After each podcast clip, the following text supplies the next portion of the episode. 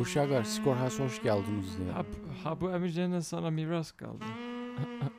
Hızlı, duru e, ve sakin bir podcast olması dileğiyle. evet başlayalım o zaman. Bir saniye. Hazırla. Merhabalar. Skoras hoş geldiniz. Ee, Dram Part 1'e devam ediyoruz. Kalan iki filmimizde Ne? Dram Part 2 bu bölüm. 1'e devam ediyoruz. Bir daha. Şok! Merhabalar, Skoras hoş geldiniz. Ben Tolga Şakar, yanımda da Ozan Akçay var. Ee, bugün dram filmlerinin ikinci bölümünü konuşuyoruz. Nasılsın abi, iyi misin? Görüşmeyeli epey oldu. Aa, evet. Bayağıdır kayıt yapmıyoruz bu Evet, arada. bayağı yani Dram. Part 1 yükleyeli ne kadar oldu? 2-3 hafta oldu. iki hafta oldu. Ha, hayranlarımız heyecanla ikinci bölümü bekliyor. Bana ıslak fotosunu atanlar oldu falan. Baya belli oluyor muydu ıslaklığı? Yok canım bayağı atmış şap şap falan. Ee, hemen başlayalım mı? Ne yapalım? Lütfen başlayabiliriz bence. Çünkü zaten ilkinde anlat. Ee, önceki bölümde hangi filmleri konuştuğumuzu hatırlıyor muyuz? Bir sayalım. Önceki bölümde ben The Kid, e, Google Kuşu ve Stand By Me'yi anlatmıştım. Sen hatırlıyor musun? Hayır hatırlamıyorum. Nasıl Bir hatırlamıyorsun? tek şey hatırlıyorum. Inson diye hatırlıyorum. E, Name of In the Name of Father evet. Evet. Babam için. E, içimdeki yangın ve bir de ne vardı hatırlamıyorum. Üçüncü filmi unuttum. Aa hakikaten neydi ya? unuttum. Önemli değil abi yani dinlendi zaten ilk part 1'de var yani dinlemek iste merak edenler. Açıp dinlesin. Hakikaten hatırlamıyorum ben. de. Hayır yani. Part 1'i dinleyin o zaman falan. Okey. Başlayalım istersen. Tabii ki, ben Sen- başlıyorum. Evet lütfen. Şöyle bir öz eleştiri getirdim. Bunu belki sonraki bölümde konuşuruz. Genel olarak konuştuğumuz filmler hep Amerikan ve İngiliz filmleri oluyor. Hı hı. Ben bugün bir farklılık yaptım. Ben bu hafta bir İtalyan filmiyle başlayacağım. Hı hı. Orijinal adını söylemek istemiyorum. Söyleyemeyiz de tam doğru La Vita è Bella. Life is beautiful yani hayat güzeldir. Ne gülüyorsun? Komik bir şey mi var? Eşşol eşek falan. Ebella falan diye girince mi? e bella. Evet. Um, hiçbir fikrim yok. Dili bilen arkadaşlardan özür diliyoruz ama e, bu kadar bizim de. Hayat Güzeldir filmi Roberto Benigni abimizin. Dikkat ettiysen hepsini aksanlı söylemeye çalışıyorum. Sanki biliyormuş gibi. Olsun. E, Hayat Güzeldir filmi 1999 yılı Hı yapımı. hı. Önceki bölümde de konuşmuştuk. Genel olarak aile içi dram ve bu dram özellikle çocuklar üstünden anlatınca daha etkileyici oluyor. En azından benim için öyle. Hı hı. Bu filmde aslında biraz e, The Kid filmine benziyor Charlie Chaplin filmine. Yani en azından bir baba oğul ilişkisi var. Roberto Benigni hem başrol hem iyi yazar hem de yönetmen. evet. Zaten Oscar da alıyor. Evet doğru. Hat- burada aldığı e, şeyler de ödülleri de söyleyelim bence. Lütfen. E, en iyi yabancı film, en iyi erkek oyuncu ve en iyi müzik. Ciddi misin? Evet üçünden de Oscar. Bu arada o konuya girecektim. Müzikleri de harika bu Evet. filmin. Hı hı. Beni çok Hak etkilemişti. ediyor kesinlikle. Ama Bu filmde aslında çocuk üstünden dram anlatılmıyor. Hı hı. Kısaca e, bahsedelim konusundan. Hı hı. E, Roberto Benigni'nin karakteri bir Guido. Yahudi. E, ve bu film 2. Dünya Savaşı sırasında geçiyor. Hı hı. Guido mu Guido, dedin? Guido, Doğru Guido. Hı hı. E, İkinci Dünya Savaşı'nın patlak vermesiyle Yahudi oldukları için toplama kamplarına götürülüyor. E, film aslında ortasında ikiye yarılıyor tabiri caizse. Hani bıçakla kesilmiş gibi anlatılan Öncesi bir ve film. sonrası gibi aslında. Evet çünkü nevi. öncesi çok e, romantik bir Hı hı. hikaye anlat. E, Roberto Benigni'nin karakteri Guido bir kadından hoşlanıyor. Bu kadın bir öğretmen ve onu etkilemek için elinden gelen her şeyi yapıyor. Bu ta ki filmin ortasına kadar devam ediyor. Filmin ortasında ise zaten bir çocukları olmuş oluyor çoktan ki çok hakikaten etkileyici ve e, inanılmaz sekansları var bu ilk yarıda. Hı hı. Guido karakterinin eğlenceli e, ve duygusal yönünü aslında tanıtması açısından çok önemli. E, çünkü eğer bu kadar bu karakteri e, tasvir etmeseydi, bu kadar irdelemeseydi filmin devamında ki bahsettim toplama kamplarına alınıyorlar. Çocuğu için izlediği psikolojiyi ve ona anlatım biçimini anlayamazdık. Hı hı. Eğer filmin ilk yarısında bu kadar iyi anlatmasaydılar karakteri ki kendisi anlatıyor zaten. Hı hı. Çocukları olduktan sonra e, bu 2. Dünya Savaşı'nın ayak sesleri birinci yarıda zaten geliyor. Hı hı. Çocuk herhalde bir 4 ya da 5 Evet, yaşına o geliyor. Tanı zaten bilmeyenler için söyleyeyim 2. Dünya Savaşı bitiyor hani gerçekte de. Ve bu spoiler olmaz herhalde. Gerçek zamanlı bir film zaten o yüzden. Bu arada evlendi kadın Yahudi değil. Guido karakteri Yahudi, oğlu da Yahudi. Çocuğun yaş günü sırasında yanlış hatırlamıyorsam.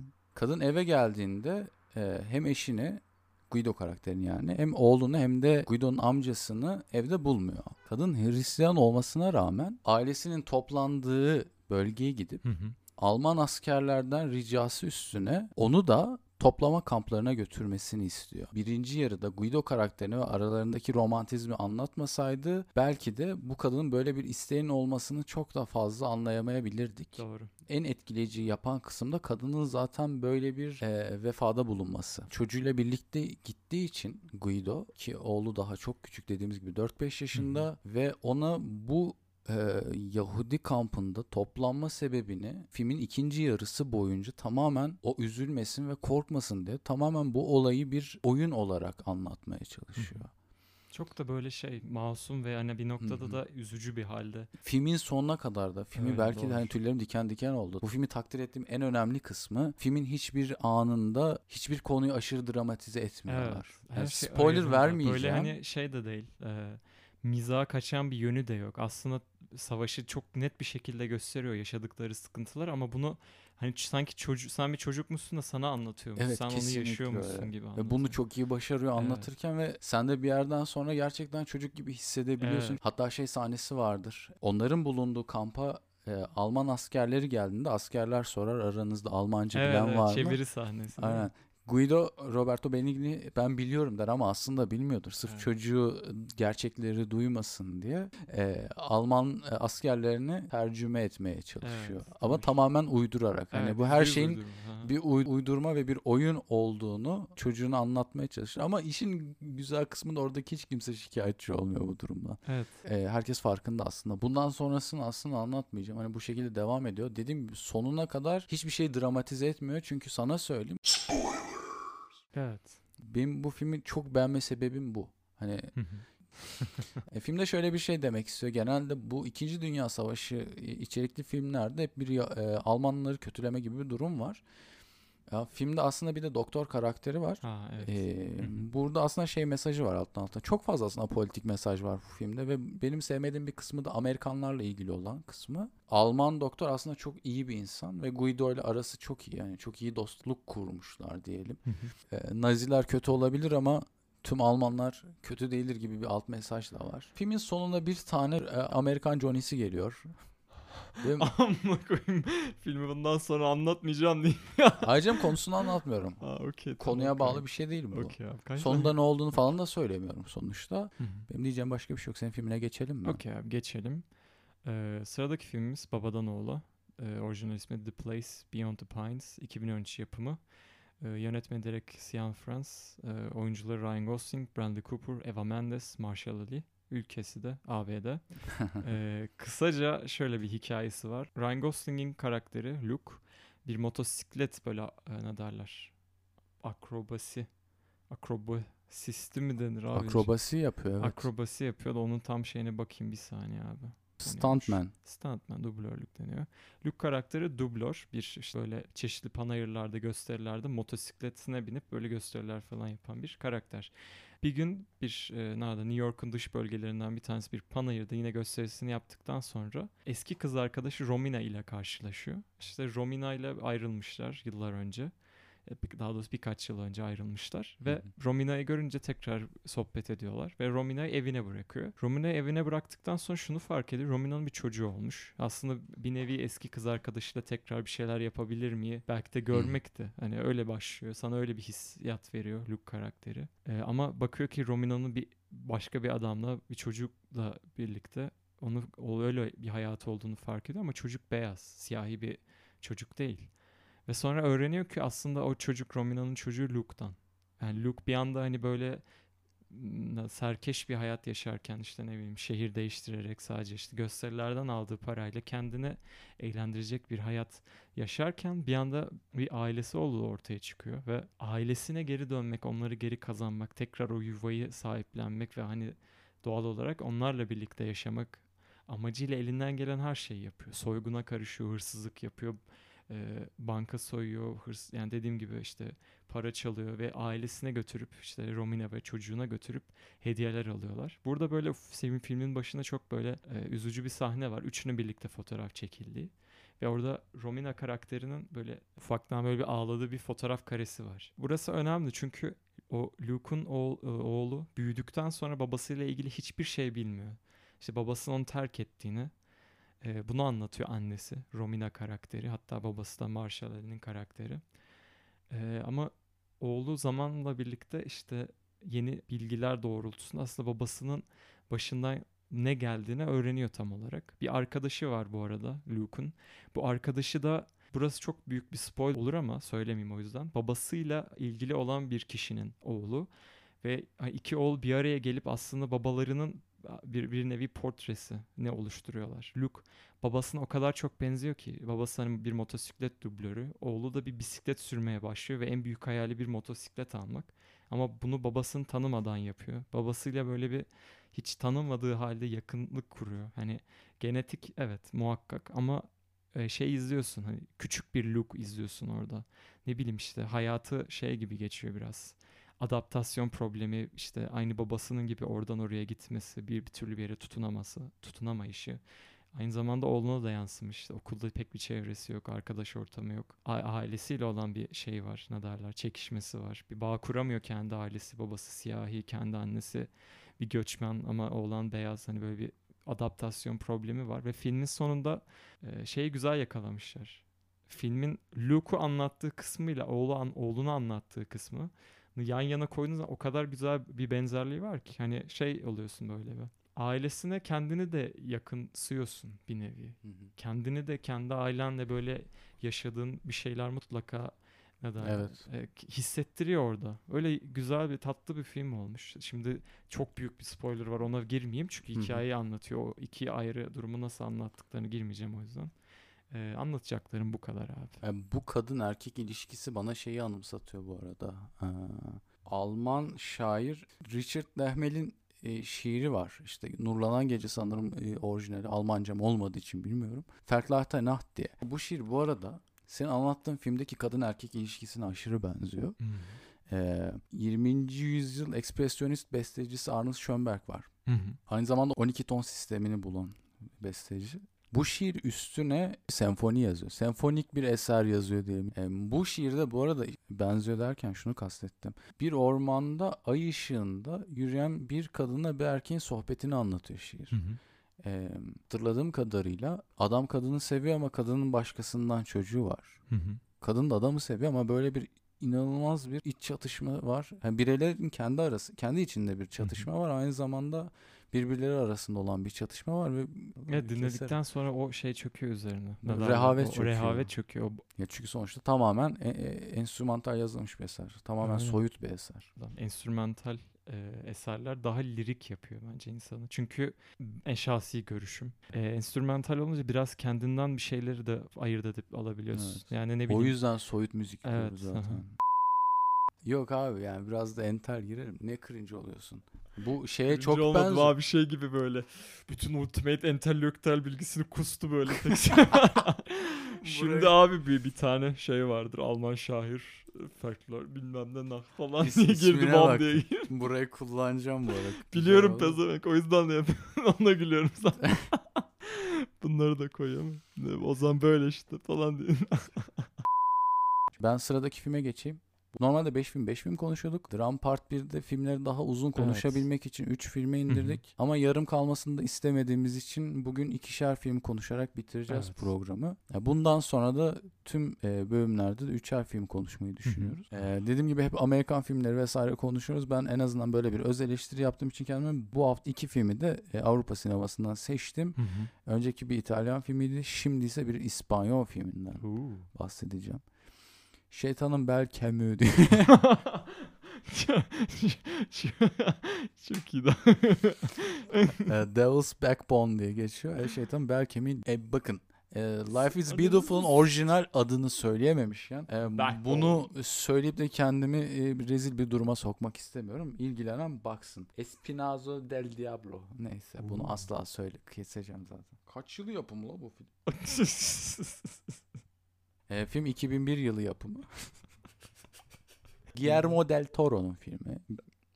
E, del Toro şeyi zaten çok seviyor. Hani e, İspanya'nın Mitolojik şeyini diyelim daha doğrusu e, böyle. mitolojik tarihini de Evet, çok aha. kullanmayı seviyor. Kesinlikle E, geçmişe dönük e, İspanya ile ilgili hikaye anlatmayı da seven bir yönetmen zaten. Filmin uzunluğu 1 saat 47 dakika. E, 1930'lu yıllar diye hatırlıyorum. Hı hı. E, bu aslında dünya savaşlarıyla bir alakası yok. İspanya İç Savaşı döneminde geçiyor. Aslında 50'ler falan olması. 40 yani evet 2. Dünya Savaşı ve sonrası şeklinde. Abi, Birinci Dünya Savaşı'ndan sonra ya. Yok hayır bitişini şey diyorum. Yok, hani. Şeytanın belki mi ama Evet. 1930'lar diye, diye biliyorum ben. Ya işte, Neyse Tamam değil evet ya. devam edelim. Şöyle bir e, bilgi vermek istiyorum filmle ilgili. Bu film nedense korku filmi listelerine koyuyorlar. Evet e, korku boyutu var. Korku öğeleri çokça var filmde. Ama baştan sona tamamen bir dram filmi ve yine çocuklar üstünden anlatılan bir dram filmi. E, Carlos adında e, 12 ya da 13 yaşında bir çocuğun bu iç savaş döneminde kendisinin haberi olmadan İspanya'nın kırsal bir bölgesinde bir e, yetimhaneye bırakılmasıyla başlıyor Hı hı. babasının yaveri getirip ona bırakıyor. Çünkü babası savaşta hayatını kaybetmiş. Aslında burada bir e, politik savaş var. Çünkü solcularla sağcıların Evet. savaşı var. E, İspanyol şimdi burada linç yemeyelim. Biz-. Bu arada Carlos karakteri 10 yaşındaymış. Hani bir yine kontrol edelim yanlış bilgi vermeyeyim. Çok önemli bir bilgi mi? Hayır değil. Aslında yetimhaneden ziyade aynı zamanda e, öncesinde okul görevi gören bir e, yapı diyelim. Oranın başında bir müdüre var. Onun eşi de bu savaş sonucunda hayatını kaybetmiş. O yetimhanenin bir de bir doktoru var. Bunlar tarafından yürütülüyor. Bir de bir yaveri vesaire var. Yanılmıyorsam Birinci Dünya Savaşı sırasında mı oluyor? Ya da tarihlerinden çok emin değiliz. Bu iç savaş ne zamana dayanıyor? Hani İspanya tarihi bende hiç yok. Haliyle yok. Yetimhanedeki çocuklardan bir tanesi. Bu Carlos karakter oraya gelmeden önce hayatını kaybetmiş. Hı hı. Ama bu dünyadaki görevini tamamlayamadığı için bu çocuğun bir hayaleti var. Korku öğelerinden kastım bu. Bu Hı film içinde spoiler olmayacak ama bir hayalet var. Hı hı. Ee, bu hayalet yani bu çocuk e, adalet aradığı için hala orada. Bu da mitolojiktir ya hani İspanyolların bir hayalet fantezisi Evet. var zaten. Evet. Koko falan özellikle. Neyse o başka bir Koko- kokain mi? şey. Koko. ne? Yok hayır animasyon. Ha, evet biliyorum. Neyse şu fırtı çeksene falan. Bunun üstüne e, herhalde dediğim gibi savaş tarihini çok hatırlayamıyoruz hı. ama e, yetimhanenin ortasına bir füze düşüyor ama bu füze patlamıyor. Sözde e, bu füzenin patlamama sebebi çünkü toprağa doğrudan gömülüyor. Hı hı. E, oradaki çocukları koruma amaçlı yani bu tamamen batıl bir inanç. Ölen çocuğun hayaleti sayesinde patlamadığı varsayılıyor. Ya oradaki çocukların da bir adalet peşinde olması gerektiğini düşünüyor o karakter. Hmm. Her neyse bir yandan bu yetimhanedeki çocuklar hem hayaletin sırrını çözmeye çalışırken yetişkinler de e, bir yandan bu iç savaşın sorunlarını çözmeye çalışırken ortada aşağılık bir yaver var. Hı hı. Bu da hem çocuklara hem de oradaki diğer müdireye ve doktora karşı yaptığı haksızlıklarla aslında filmin kötüsü oluyor. Hı hı. Yani sonunda söylemek istemiyorum ama bu filmde bir anlatıcı var. O da doktor karakteri. Doktor karakteri ise anlatıcılık yaparken sürekli e, bir nasıl diyeyim hayaletlere olan inancından bahseder. Ve sonunda da bu doktor karakterinin aslında biz hayalete dönüşme serüvenini izliyoruz. Bu kadar yani bu filmle ilgili başka bir şey diyemeyeceğim sanırım.